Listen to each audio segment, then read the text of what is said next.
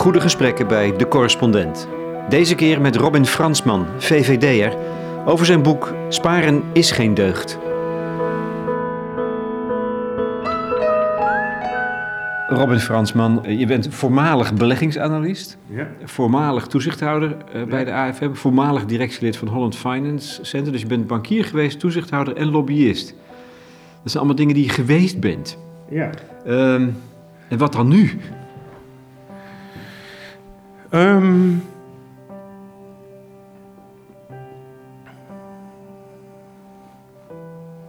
ja. Dat is, dat is een vraag die, waarmee ik je overval, kennelijk. Ik weet dat eigenlijk nog niet. Ik weet dat nog niet. Ik heb eh, besloten om eh, na Holland Financial Center dit boek te gaan schrijven. Het boek is ook een voorbereiding op een promotietraject wat ik eh, inga. Ehm, eh, en ik had besloten om dat eerst te gaan doen en daarna verder te gaan nadenken hierover. Ik dacht namelijk, wat ontbreekt, is bijvoorbeeld politiek. Het moeilijke van de eh, politiek zoals dat in Nederland nu gaat, is dat de politiek heel erg procesgericht is. Ehm, het zijn eh, met name procesmanagers die het goed doen in de politiek. Ehm, en inhoud, ehm, dat, is, dat is veel moeilijker om dat op basis van inhoud te doen. Ehm, en ja, van, van nature vind ik het gewoon heel moeilijk om eh, afscheid te nemen van de inhoud ten bate van het proces. Maar je zou het wel willen soms. Je zou er wel eens van dromen. Dat had ik vroeger. Ja? Ja, dat had ik vroeger toen ik jong was.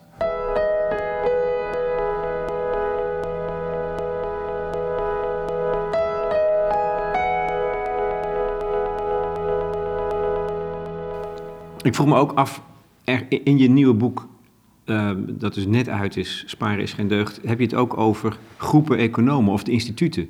Hè, eh, een tendens bij die instituten, gro- groot of klein, dat economen zich omringen met gelijkgestemden.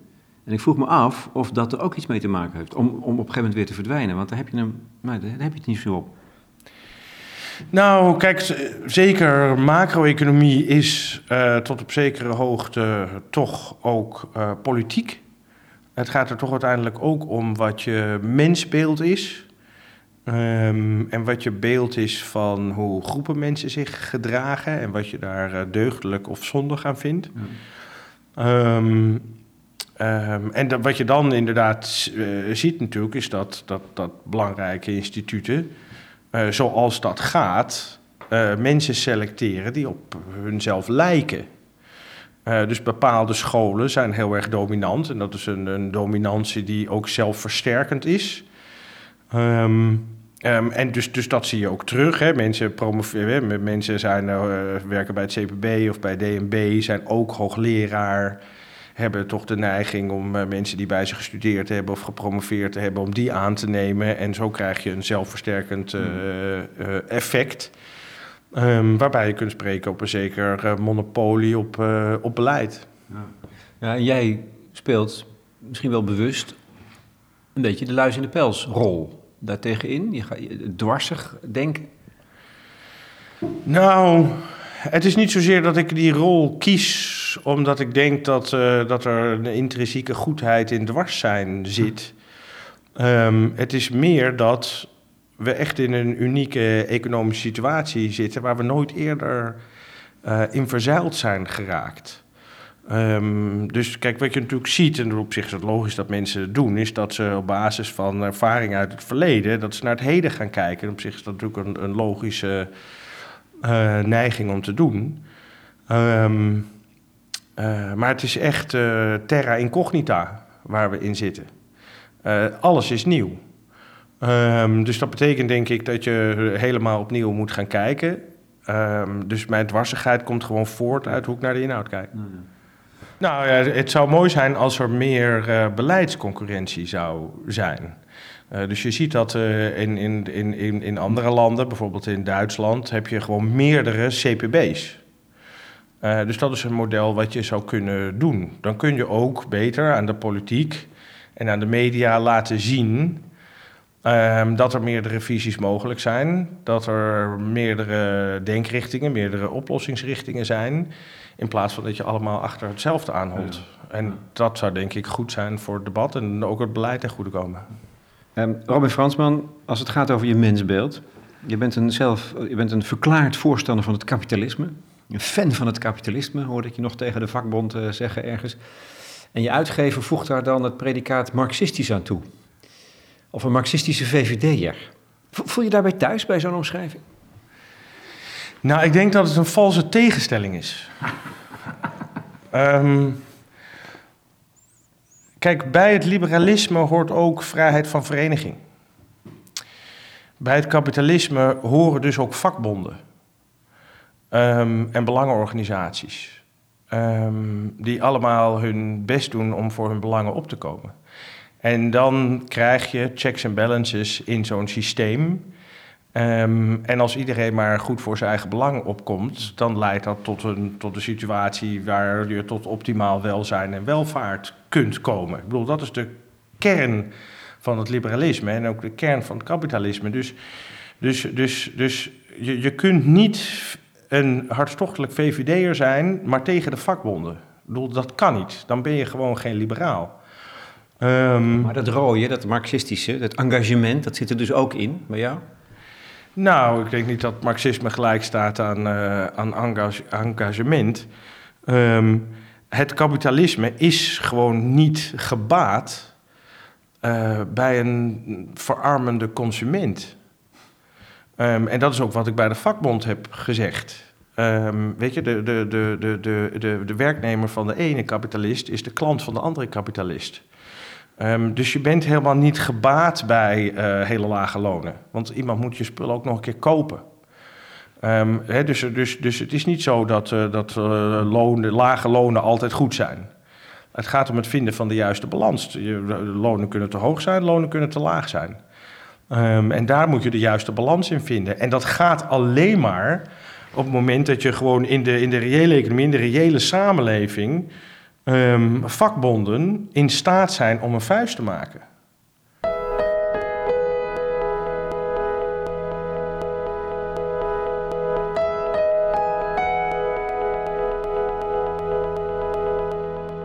Goed, ik heb net mijn hypotheek overgezet. Ja.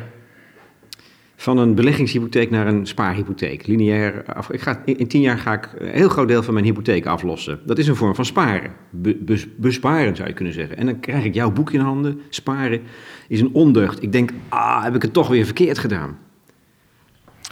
Nee, je hebt het niet verkeerd gedaan. Je hebt het goed gedaan. Sparen op zichzelf, um, daar is niks mis mee. Het ligt eraan wat je met je spaargeld doet. Kijk, op het moment dat je je spaargeld op een bankrekening laat staan, um, dan investeer je als het ware je geld in schuldpapier uh, via de bank. Um, als we dat met z'n allen doen, dan nemen de spaartegoeden toe, voelen we ons heel rijk. Maar logischerwijs, omdat geld schuld is, nemen ook de schulden toe. En als je kijkt naar de samenleving als geheel, is de netto schuld altijd nul. Want de schuld van de een is het bezit van de ander.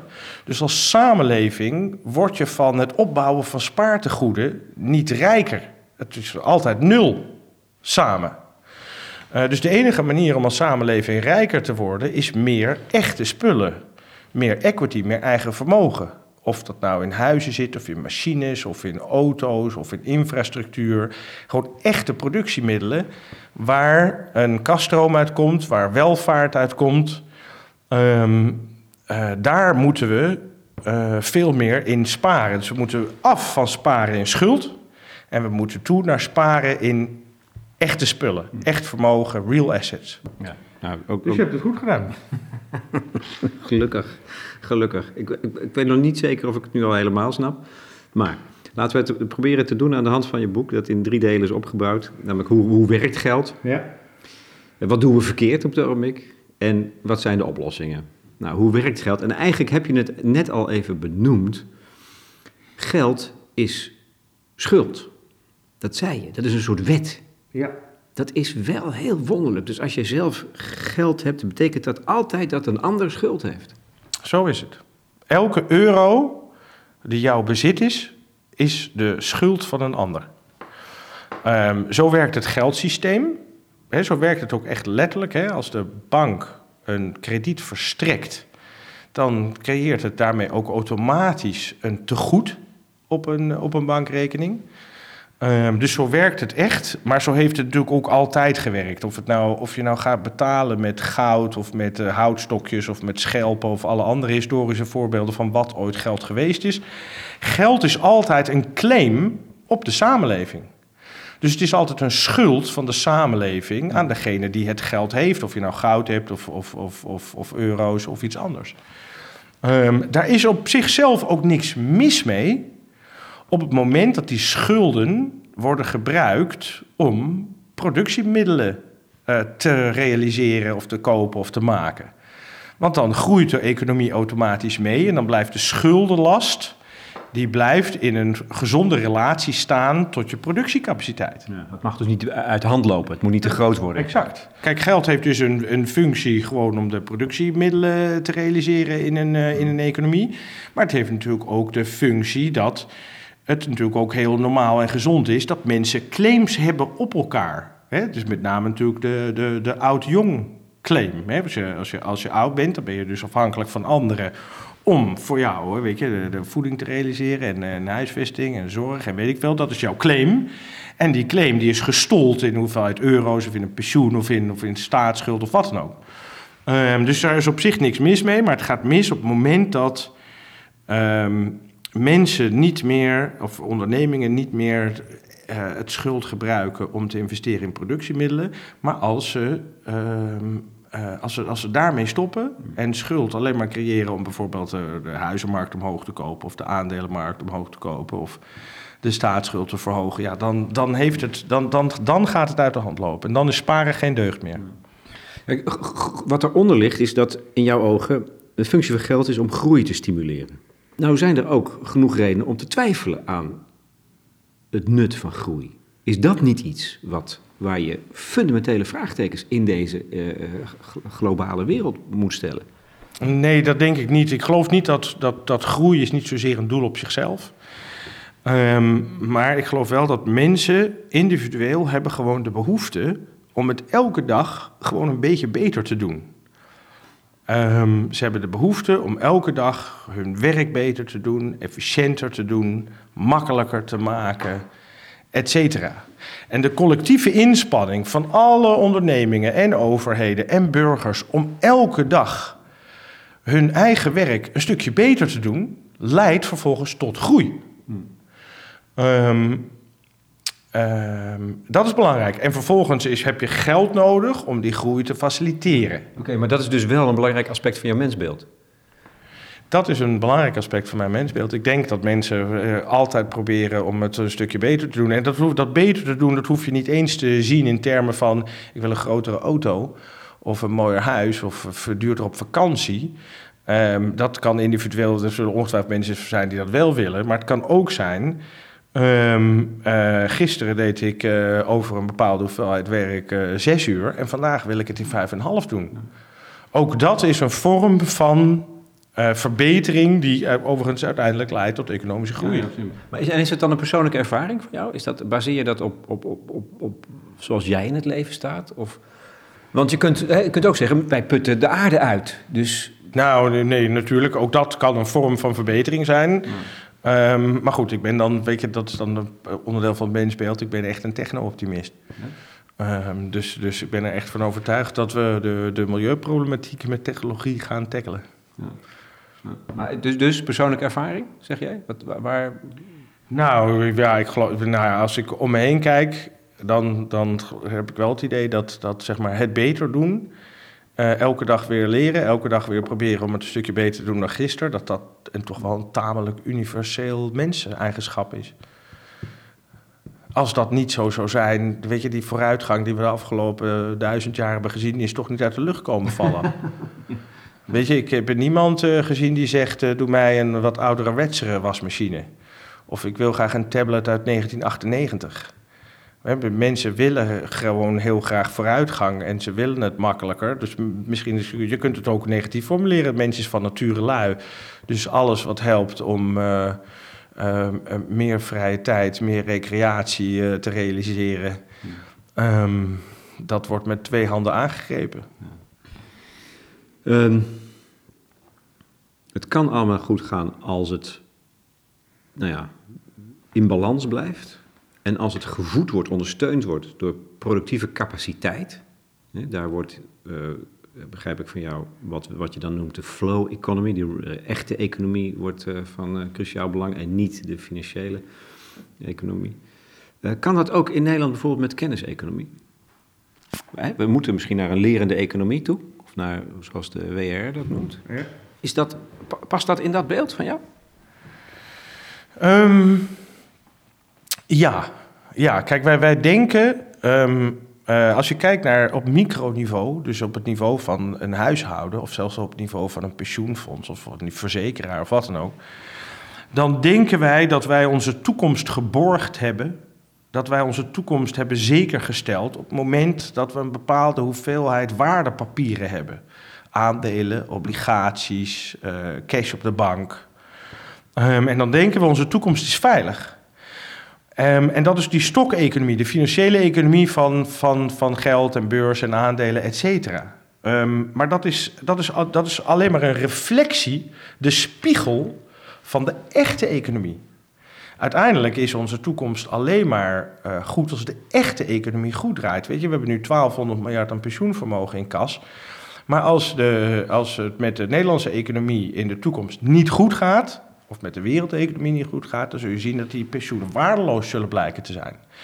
Um, dus, dus, dus welvaart, rijkdom komt niet uit een banksaldo, uh, maar uit de echte economie. En dat is het verschil tussen of je micro kijkt of macro kijkt. Micro, hè, als iemand een heel veel centjes heeft, dan denk je, nou, die diensttoekomst is veilig. Dan moet je afvragen wat geld natuurlijk nog waard is en zo. Maar in ieder geval, dan heb je in ieder geval het gevoel dat het heel veilig is. Maar macro gezien is het, is het in grotendeels betekenisloos. Vooral ook omdat van die 1200 miljard is, um, is een heel groot deel is gewoon schuldpapier. Dat is gewoon schulden van derden aan ons. Um, dus dat moeten ze wel kunnen terugbetalen. Dus als in de toekomst die productie niet op gang is, of krimpt, of niet goed gaat, ja, dan, dan zijn ook onze claims op die toekomstige productie ook waardeloos. Dus echte rijkdom komt niet uit, uit geld, komt niet uit waardepapieren. Maar wel bijvoorbeeld uit, uit kennis? Kan dat een motor zijn van onze economie? Ja, natuurlijk. Eh, op het moment als, als, als de technologie heel snel voortschrijdt en um, we krijgen straks uh, bijna gratis energie uit zonnepanelen of zo. Dan ben ik ervan overtuigd dat we echt een schitterend uh, pensioen uh, zullen krijgen. dus, dus, dus ja, die, die, die kennis is daar een essentiële rol in.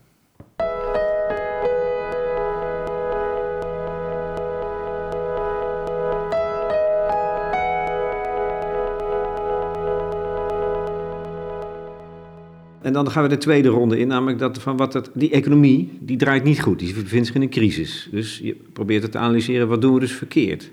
Nou, dat gaan we niet uit en treuren te doen, want er is natuurlijk ongelooflijk veel over, over, over gezegd. Maar um, misschien is het daar interessant om dat boek, dat dikke boek van Piketty, dat toch ook op jouw bureau ligt, ja. en nog eens even bij te pakken. Jij bent een van de weinige uh, mensen die kritiek uitoefent op Piketty. Um, eh, omdat jij niet gelooft, in zijn stelling is, is rendement op kapitaal is groter dan de uh, uh, groei van de economie. Ja. Van, de, van, de, van het inkomen eigenlijk. Um, terwijl het is toch onmiskenbaar dat die ongelijkheid van, in vermogens groter wordt? Um, ja, de ongelijkheid in vermogen die is fors toegenomen. Uh, dus dat bestrijd ik ook niet. Wat ik bestrijd in Piketty is of, of, of dat de meest perfecte graadmeter is. Hmm. Maar ik denk, kijk, wat de crux van wat ik met het boek heb proberen te doen, is, is dat ik heb nooit geloofd dat de kredietcrisis dat dat zomaar alleen maar een verhaal is van stoute banken. Um, mijn overtuiging is, daar zit een veel structureler, dieper en langere problematiek achter dan alleen maar een stoute bank. Dus we maken de banken niet meer stout en is het probleem opgelost. Uh, die, die, die, die, die problemen zijn dieper. Dus het idee was achter het boek al die verschijnselen die wij zien, die zijn aan elkaar gekoppeld. Um, uh, het gebrek aan groei, de bubbels die we zien, de toegenomen ongelijkheid, de explosie van private schulden. Uh, al die verschijnselen die zijn aan elkaar gekoppeld. Um, en die beïnvloeden elkaar. Uh, dat was eigenlijk het, het, het, het, idee achter het boek. Um, en dan moet je op zoek naar wat dan werkelijk de dieperliggende oorzaken zijn. En, dan, en, en, en, de, en de, de dieperliggende oorzaken die, die liggen dus ook veel langer in het verleden. Um, en dat heeft het met name te maken met gewoon het gebrek aan energie. Dat wil zeggen steeds duurder wordende energie. Uh, enerzijds en de vergrijzing anderzijds. En dat zet een dynamiek in beweging um, die op een gegeven moment leidt tot uh, overmatig sparen van burgers. Het leidt tot overmatig sparen ook van het bedrijfsleven. Er wordt op een gegeven moment niet meer geïnvesteerd. En als mensen heel veel sparen en niet investeren, dan is een explosie van private schulden, uh, is daar het logische gevolg van. En dan zijn banken weliswaar de facilitator en die spelen daar zeker een rol in. Um, maar het is, uh, die, die, die, die stoute banken zijn eerder een symptoom dan een oorzaak. Ja. En die te grote schulden, die, die verlammen de economie. Um, nou ja, de, nee, de private schulden zijn in die zin ook een symptoom. Wat echt de economie verlamt, is het, het lage niveau van investeringen en de vergrijzing. Uh, ik weet niet of het nog even terug moet naar, naar Piketty, die het zo gooit op het, de ongelijkheid in, in vermogen. Ja. En jij relativeert dat toch denk ik van ja, kijk, die bedrijven die, uh, die sparen, die investeren minder, die sparen, die maken gigantische winsten, dus loonmatiging. Dus zij, hun winsten gaan omhoog, die zijn ook gigantisch hoog op het ogenblik. Dat betekent toch een concentratie van geld bij een paar personen. Dus bij, uh, veel vermogen bij een, een, een enkeling. Terwijl de burger, wij werknemers en zo, die hebben minder en minder te besteden. Dat is dan toch, daar zit dan toch wel degelijk een kern van waarheid in. Um, ja, maar via de inkomenskant. En niet zozeer via de, via de vermogenskant. Kijk, uiteindelijk zeker, dat geldt zeker voor, uh, voor Nederland, maar ook voor de Verenigde Staten en het Verenigd Koninkrijk. Uh, uiteindelijk zijn we met z'n allen eigenaar van die ondernemingen. En je hebt natuurlijk wel individuele grote. Dat is helemaal niet zo. Nee, maar dat is wel zo. Dat is echt wel zo. Dat moet je dan echt. Dat snap ik niet. Ik zie daar een paar, uiteindelijk een paar individuen daarachter die dat voor zichzelf allemaal uh, oppot en puissant rijk worden.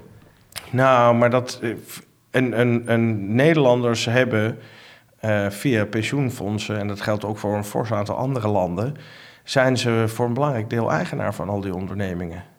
Dus uiteindelijk komt die winst, uh, die komt op die manier uiteindelijk wel weer een keer terug bij de burger, maar heel ver in de toekomst.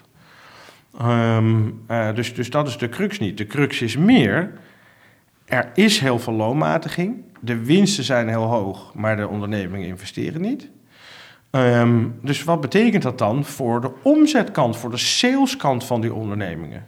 Dat is wat er uh, op dit moment onder leidt. En in die zin, um, in, in, in die zin, en dat is dan wel, ja, dat is wel marxisme. Um, in die zin kun je dan komen tot een accumulatiecrisis waarbij winsten heel hoog zijn en lonen laag. En dat is natuurlijk op een gegeven moment een onhoudbaar proces. Want iemand moet die producten wel een keer blijven kopen. Ja, dat kunnen mensen niet meer, dus storten ook die bedrijven in elkaar. Nou ja, wat je, wat je natuurlijk de laatste jaren ziet, is dat uh, de winsten wel stijgen, maar de, de omzet, de verkoop uh, bijna niet. En ja, dat is een eindig proces. Je kan natuurlijk niet je winsten eindeloos blijven opvoeren.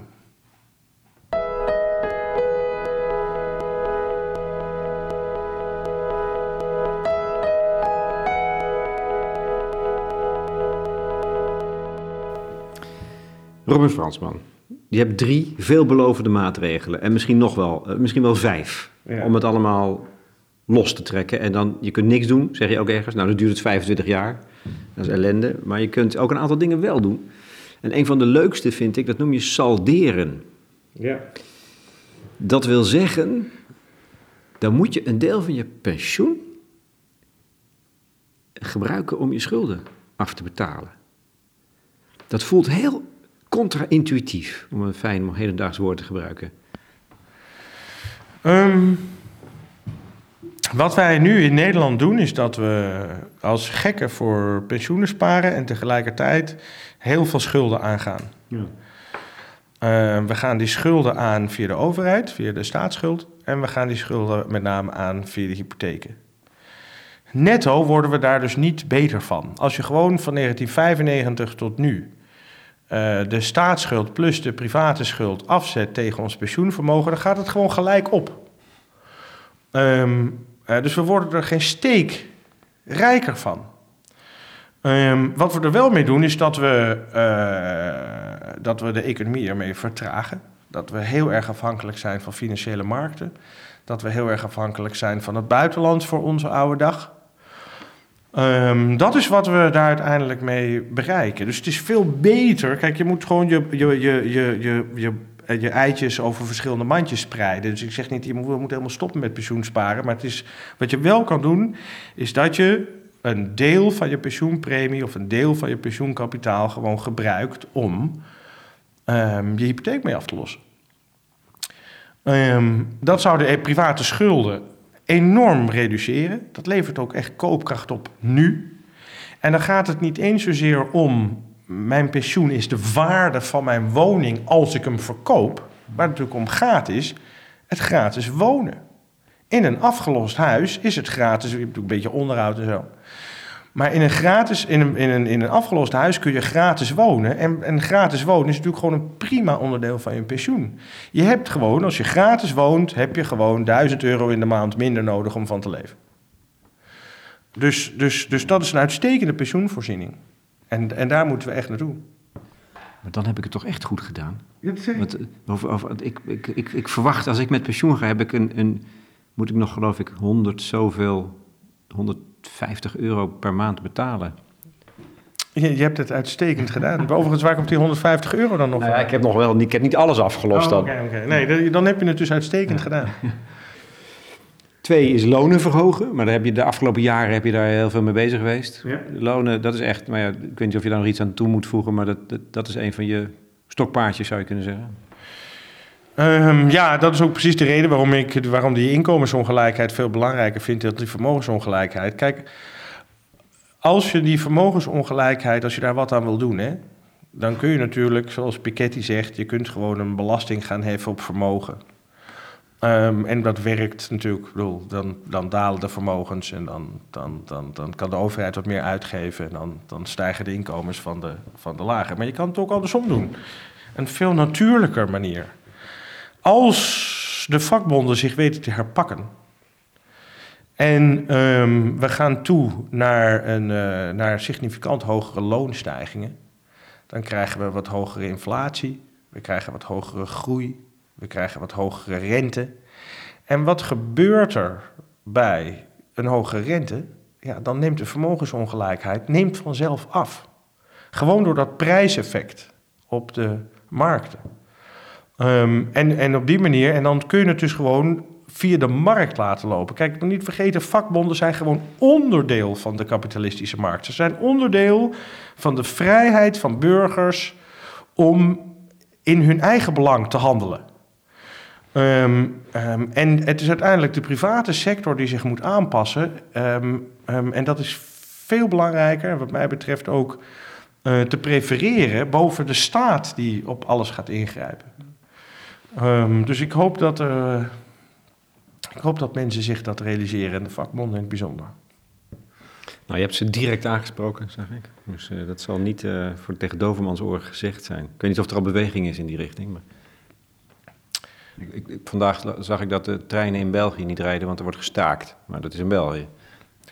Um, uh, ja, um, ik, uh, ik, dat klopt. Ik zag gisteravond uh, een item over Nieuwsuur. En dan wordt de situatie in België wordt, geframed op een manier als staak is ouderwets. Um, het is vechten tegen de bierkaai. het is zinloos. En uh, al die hervormingen moeten. Um, en ik weet niet eens wat er precies in het programma staat op België, maar ik, dus ik heb ook geen oordeel of die hervormingen in België wel of niet moeten. Maar ik vond de framing op zich, dat is natuurlijk wel interessant. Dat is natuurlijk wel interessant. Ik, ik, ik, vroeg in 2008, net na de val van Lehman, vroeg ik aan een, uh, een topambtenaar die ik toen toevallig sprak: Is dit het einde van het neoliberalisme? Weet je, we hebben net de biggest, de, het grootste marktfalen aller tijden meegemaakt. Dus dan zou je verwachten dat mensen toch anders gaan denken over wanneer marktdenken wenselijk is en wanneer marktdenken misschien wat minder wenselijk is. En ook op de manier van, van, van, van hoe kijken, wat vinden wij eigenlijk marktwerking? Is vakbondsvorming, is dat onderdeel van marktwerking, ja of nee? Um, is het recht op staking onderdeel van marktwerking, ja of nee? Um, en dat was voor mij, ik had toen verwacht, nou, dit is toch aanleiding om toch iets anders te gaan nadenken over dingen. Um, en op zich was die topambtenaar dat wel met mij eens, maar hij zei: nee, joh, het neoliberalisme is zo uh, diep geworteld bij, een, uh, bij, echt, bij, een, de, bij de hele generatie die uh, nu tussen de, tussen de 40 en de 70 is, die dus overal hè, het beleid bepaalt. Um, dat, nee, dit is nog lang niet afgelopen, dit gaat nog wel even door. En nou, ik vond dat een interessante analyse toe en hij heeft ook gelijk gekregen. Lagere last op arbeid, hoger op vermogen. derde instrument. Ja, Heb je eigenlijk ook met zoveel woorden gezegd? Nou ja, het is, het, kijk, het, ik denk dat het onontkoombaar is. Kijk, dat heeft weinig te maken met uh, Robin Hood-achtige ideologie, maar het is gewoon uh, pragmatische rekensom maken. Als wij met z'n allen gaan rentenieren, um, of in ieder geval in steeds meerdere mate gaan rentenieren, um, dan neemt uh, de inkomensaandeel van kapitaal neemt toe en die van arbeid neemt af. Tegelijkertijd, als we met z'n allen gaan rentenieren en we worden allemaal steeds ouder, dan zijn er meer AOW-uitgaven en meer zorguitgaven.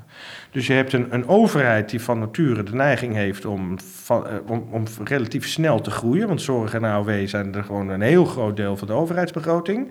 En tegelijkertijd zijn er steeds minder werkenden om de belasting op te brengen. Dus um, je hebt dan um, ruwweg drie keuzes. Of je gaat de AOW en de zorg echt, uh, echt naar beneden brengen. Maar dan weet je, niet minder groei in de zorg zoals we nu zien, maar echt naar beneden brengen. Je maakt de AOW-inkomens of vermogensafhankelijk, dat kan een keus zijn. Een keus kan zijn, we gaan er gewoon de belastingdruk op arbeid steeds verder opvoeren. Nou, dat is een keus die we zeg maar sinds 2000 hebben gemaakt. Hè. Sinds 2000 is het, is het arbeidsaandeel in de belastingopbrengsten enorm gestegen. Uh, om die AOW en die zorg te, be te betalen. Ook onhoudbaar. En de derde keuze is, er moet wat meer geld uit vermogen komen en wat minder uit arbeid. Nou, en ik denk dat die laatste uh, onontkoombaar is. Want, want ja, ik zie toch ook niet echt. Ik denk dat echt uh, een krimp in de zorguitgaven, dat denk ik onhaalbaar. Ik zie ook geen politieke steun voor een vermogensafhankelijk of een inkomensafhankelijke AOW. Je kunt uh, op het moment dat we die, die, die belasting op arbeid nog verder opvoeren, um, ja, dan, dan krijg je ook revolutie. Um, uh, dus, dus, dus daar iets meer balans in brengen en in iets meer van vermogen vragen, is denk ik een, eh, een, logisch gevolg. Helder. Ik geloof dat ik het in ieder geval. Dat ik er in ieder geval beter ben geworden, van geworden in die zin. En dat is ook mijn verlangen natuurlijk, dat ik het beter wil snappen. En het is vaak zo gecompliceerd of tegenstrijdig. Dus uh, dank je wel. En ik, ik, weet niet of we voldoende. Want dat, dat, dat zit in jouw boek wel heel sterk. Dat er ook het besef dat je het ook rechtvaardig moet doen. Hè? Dat, dat het onrechtvaardig is als jongeren van nu enorm zwaar betalen voor nou ja, de rijkdom en de welvaart van ouderen en er zelf niet van profiteren. Dat is één ding. Maar ook binnen Europa. Dat onze welvaart uh, en, en spaartegoeden schulden zijn bij de armere zuidelijke landen. En dat we die daarmee dus ook de onderhouden. Dat het ook een, een onrechtvaardige tweedeling is. En dat, dat bewustzijn zit bij jou ook heel sterk. Nou, ik vind het niet zozeer. Het is niet zozeer. Het gaat mij niet zozeer om de rechtvaardigheid of de onrechtvaardigheid, maar om het morele oordeel. Kijk, je kunt niet zeggen dat Spaanse schulden dat dat um, zondig is of immoreel of onethisch op het moment dat die Spaanse schulden ons bezit, ons pensioencentjes zijn. Ehm, daar komt bij dat op het moment dat je zegt, die Spanjaarden moeten ervoor bloeden. Ja, als de Spanjaarden ervoor bloeden, dan is het onvermijdelijk dat wij ervoor bloeden. Want hun schuld is ons vermogen. Ehm, en het feit dat we dat we, dat er, dat er wordt dus heel vaak door mensen de fout gemaakt dat schulden en vermogen van elkaar gescheiden worden, ehm, terwijl het kip en ei is. Ze horen bij elkaar. Het een kan niet bestaan zonder het andere. Dus je kan niet zeggen um, dat het een moreel superieur is aan het andere. Ze zijn gewoon met elkaar getrouwd. Um, Um, en in die zin is eh, op een gegeven moment worden die schulden zo hoog dat je zeg maar, het belang van de crediteur en de debiteur niet meer van elkaar kunt scheiden, want ze zijn met elkaar getrouwd. Ja, maar dat gaat over een fundamentele verbondenheid van alles met elkaar. Dat, misschien bedoel ik dat wel. Uh, ja, op momenten, ja, op als je belegt in schulden, dan ben je verbonden met de schuldenaar. Dat is nou helemaal zo. Um, um, en dat is wat, wat te veel mensen zich niet realiseren.